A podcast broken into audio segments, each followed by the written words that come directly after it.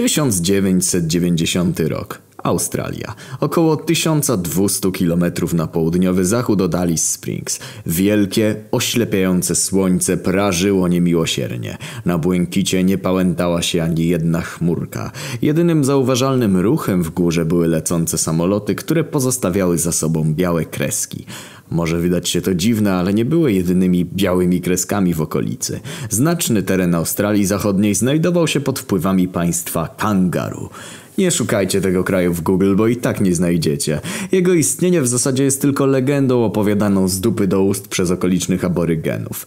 Kangaru nie miało określonego terenu. Po prostu tam, gdzie znajdowali się jego obywatele, tam miało swoje wpływy. Siali istny postrach wśród żyjących istot w okolicach.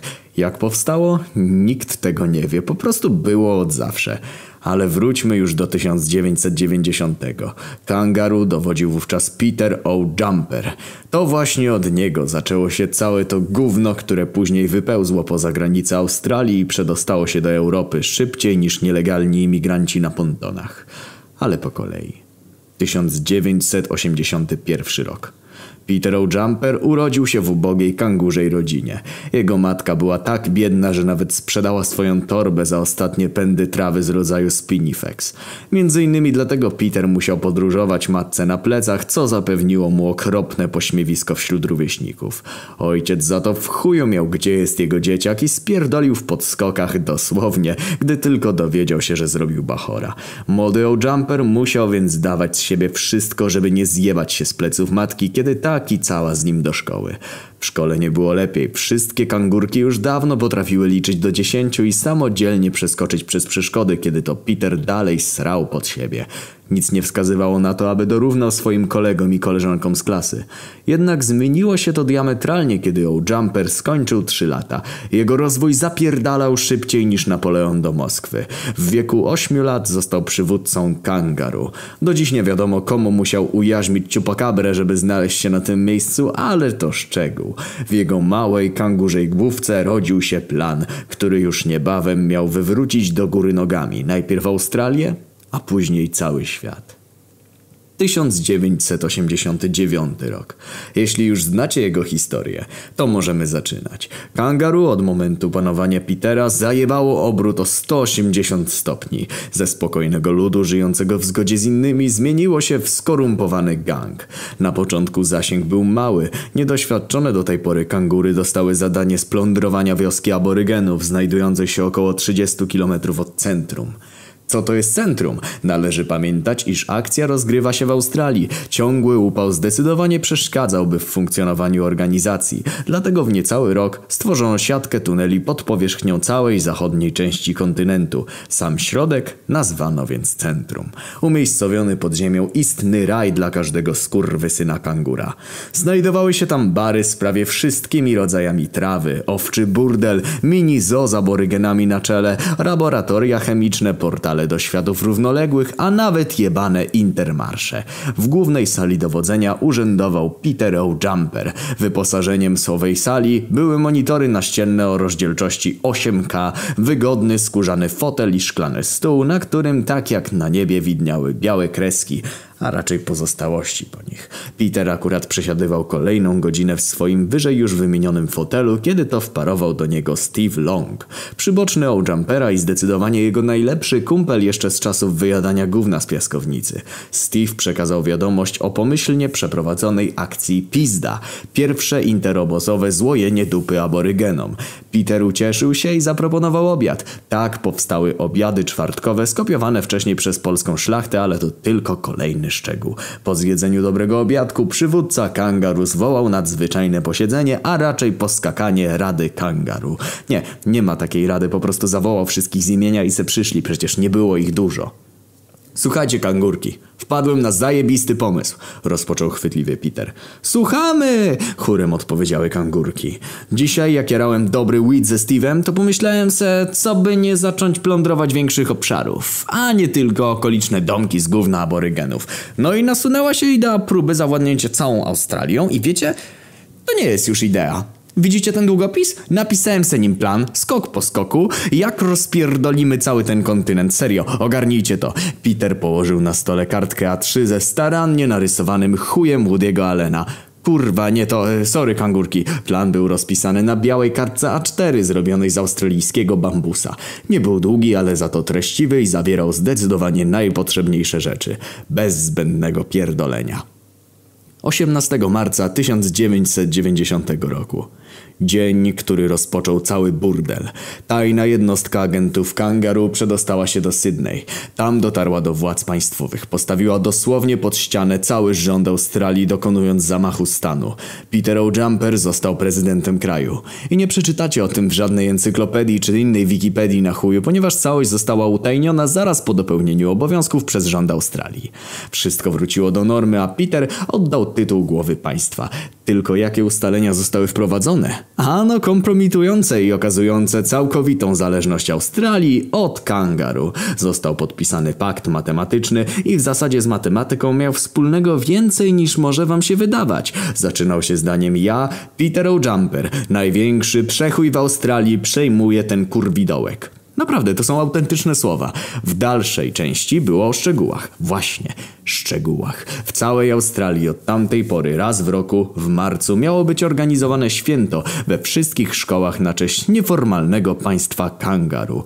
Oczywiście nie przeczytacie nigdzie o niczym takim, ale o kangurze matematycznym już tak, prawda? Math Kangaroo to nic innego jak wielki, soczysty kamshot na mordę całej Australii, a później Europy. Tylko dlaczego pod postacią konkursów w większości dla dzieci to do tego z matematyki? Ponieważ Peter to kurwa kozak i wszystko przemyślał dla dzieci dlatego, żeby od małego wpajać młodym mózgom kult kangaroo, a z matematyki dlatego, że po pierwsze miał być z chemii, ale po angielsku math brzmi ładniej i dlatego, że Jumper był zajebisty z matmy w szkole, a tak poza tym, kiedy spalił działkę ze Steve'em, to zaczęli rozwiązywać zadanka z majcy, no i tak zostało. Oczywiście, gdyby na tym zakończyć wyjaśnienia, to byłaby to propaganda, dlatego kontynuujmy. Koszt podejścia do tego oralnego ukłonu w stronę kangurów wynosi niecałe 3 dolary.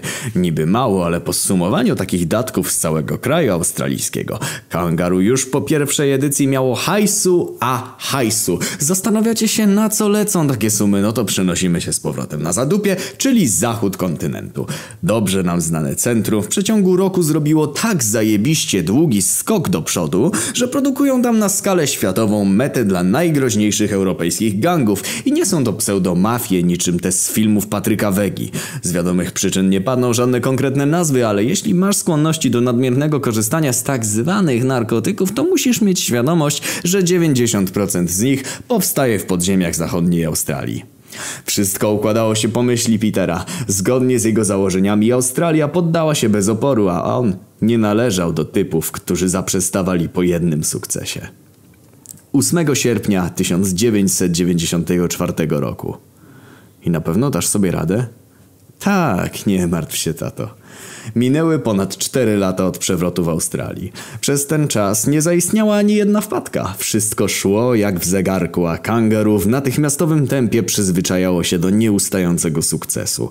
Niestety sporym ciosem była śmiertelna choroba Petera O'Jumpera. Oczywiście każdy prawdziwy władca zostawia po sobie potomstwo. Peter akurat w tym się nie wyróżniał. Jego syn, Francesco O'Jumper, miało wiele lepsze i owocniejsze dzieciństwo od swojego ojca. We wszystkim przerastał swoich rówieśników o głowę, dlatego w oczach wielu był idealnym następcą Petera. 8 sierpnia 1994 roku młody, pełen zapału Francesco postanowił wziąć kangaru szturmem. Miał przed sobą wielkie plany, które zostawił mu ojciec. Nowy przywódca kangurów był bardzo aspołeczny. Nigdy nie wychodził na imprezy, a jego przyjaciół można by zliczyć na palcach jednej ręki. Przez cały czas siedział za swoim ujebanym biurkiem i bazgrał coś w notatniku. Kiedy ktoś w jakikolwiek sposób zagłuszał bogi spokój Francesco, ten wstawał i spokojnym ruchem odprowadzał delikwenta do drzwi, które wypierdalał z zawiasów i roztrzaskiwał na łbie nieproszonego gościa. Wbrew pozorom nie wybuchał gniewem, po prostu nienawidził bałaganu. Był jebanym perfekcjonistą i to dzięki właśnie takiej podstawie. Kangaru zawdzięcza swoisty podbój Europy. 18 marca 1995 roku. Zorganizowana kangurza jednostka przedostała się do Sydney i przejęła wycieczkowiec pokroju Titanica. Na dobrą sprawę nie było to konieczne, bo grupa liczyła sześciu osobników, ale jak już jebać, to jebać po całości. Francesco Jumper zabrał ze sobą pięć największych i najgroźniejszych kangurów całego państwa, mój swój notatnik oraz tygodniowy zapas mety, żeby nie jebnąć po drodze. Kurs Wielka Brytania. Wyobraźcie sobie, że bierzecie ze sobą pięciu najlepszych ziomków i dostajecie ogromniasty statek turystyczny z kinem, basenem, sklepami pełnymi asortymentu i wieloma innymi zajebistymi atrakcjami. Dokładnie tak wyglądała podróż na podbój Europy. Takich faktów powinni uczyć na historii, a nie jakieś rewolucje francuskie.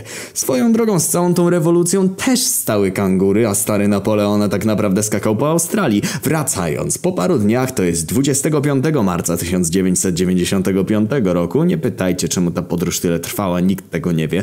Prawdopodobnie Francesco po mecie popierdoliły się dni tygodnia. Statek dopłynął do portu w Southampton. Jakież zdziwienie widniało na twarzach ludzi, gdy z wielkiego statku wyskoczyło sześć kangurów. O Jumper od razu zabrał się do realizacji planu. Skoczył sobie do sklepu po zajebiście świeżutką drożdżówkę i razem z ekipą ogarnęli busa do Londynu. Kilka godzin i kresek mety później byli już w Londynie. W międzyczasie przebrali się ze zwykłych Anglików, żeby nie wzbudzać podejrzenia. Na chillku wbili do chaty królowej. Elżbieta II była tak zaskoczona wizytą kangurów, że nawet nie przeczytała tego, co podpisała. Ty kurwo, z rok siedziałem i pisałem to w notatniku, a ty nawet nie zerkniesz? Oburzył się Francesco. Nie było po co zerkać. Anglia jednym podpisem wypucowała kangurzom pałę. Math kangaru się rozrastał. Oczywiście w umowie było też ujęte, że młody O'Jumper zostanie królem Wielkiej Brytanii na dokładnie 3 minuty, bo potem trzeba zawijać do Paryża. Przez te 3 minuty nie zrobił kompletnie nic, bo jak stwierdził, gówna nie będzie nawet dotykał. Następnego dnia u Jumper z ziomeczkami kangurami wpierdalali już bagietki pod wieżą Eiffla. Francja out. Następna stacja Berlin. Niemcy out. Kolejny cen Watykan i Włochy przy okazji. Podbicie Watykanu było prawdopodobnie najłatwiejsze. Francesco po prostu postawił na stół Jana Pawła II 24 kartony kremówek i byli kwita pronto mordo normalna akcja. Reszty terenów nie trzeba było podbijać, bo ma w kangaru rozlazło się po całej Europie niczym dżuma. Jakby ktoś się pytał, czy to kangury stoją za tą epidemią, to nie, akurat w tym nie brały udziału. O Jumper wrócił z ekipą spełniony do domku i cieszył się zwycięstwem. 15 marca 2018 roku. Warszawa, Polska. Ja pierdolę, co za dziura, skomentował pobyt w Polsce Alex. Spokojnie, nie będziemy tu długo, pocieszył go Mark. Dwójka zakapturzonych kangurów podkicała do wejścia do Pałacu Kultury i Nauki. Parę chwil później zjeżdżali już starą porosyjską windą w podziemia. W ciasnym kwadracie leciała jakaś w miarę współczesna muzyka, ale ani Alex, ani Mark nie zwracali na nią uwagi. Przykują za to napis na jednej ze ścianek windy. Jebać policję. Maszyna ledwo wyhamowała na poziomie minus 8, czyli ostatnim i najbardziej tajnym sektorze w całej Europie Środkowo-Wschodniej.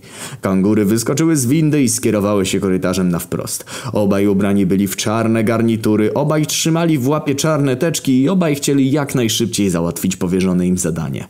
Zatrzymali się przed wejściem do sali, w której ktoś już na nich czekał.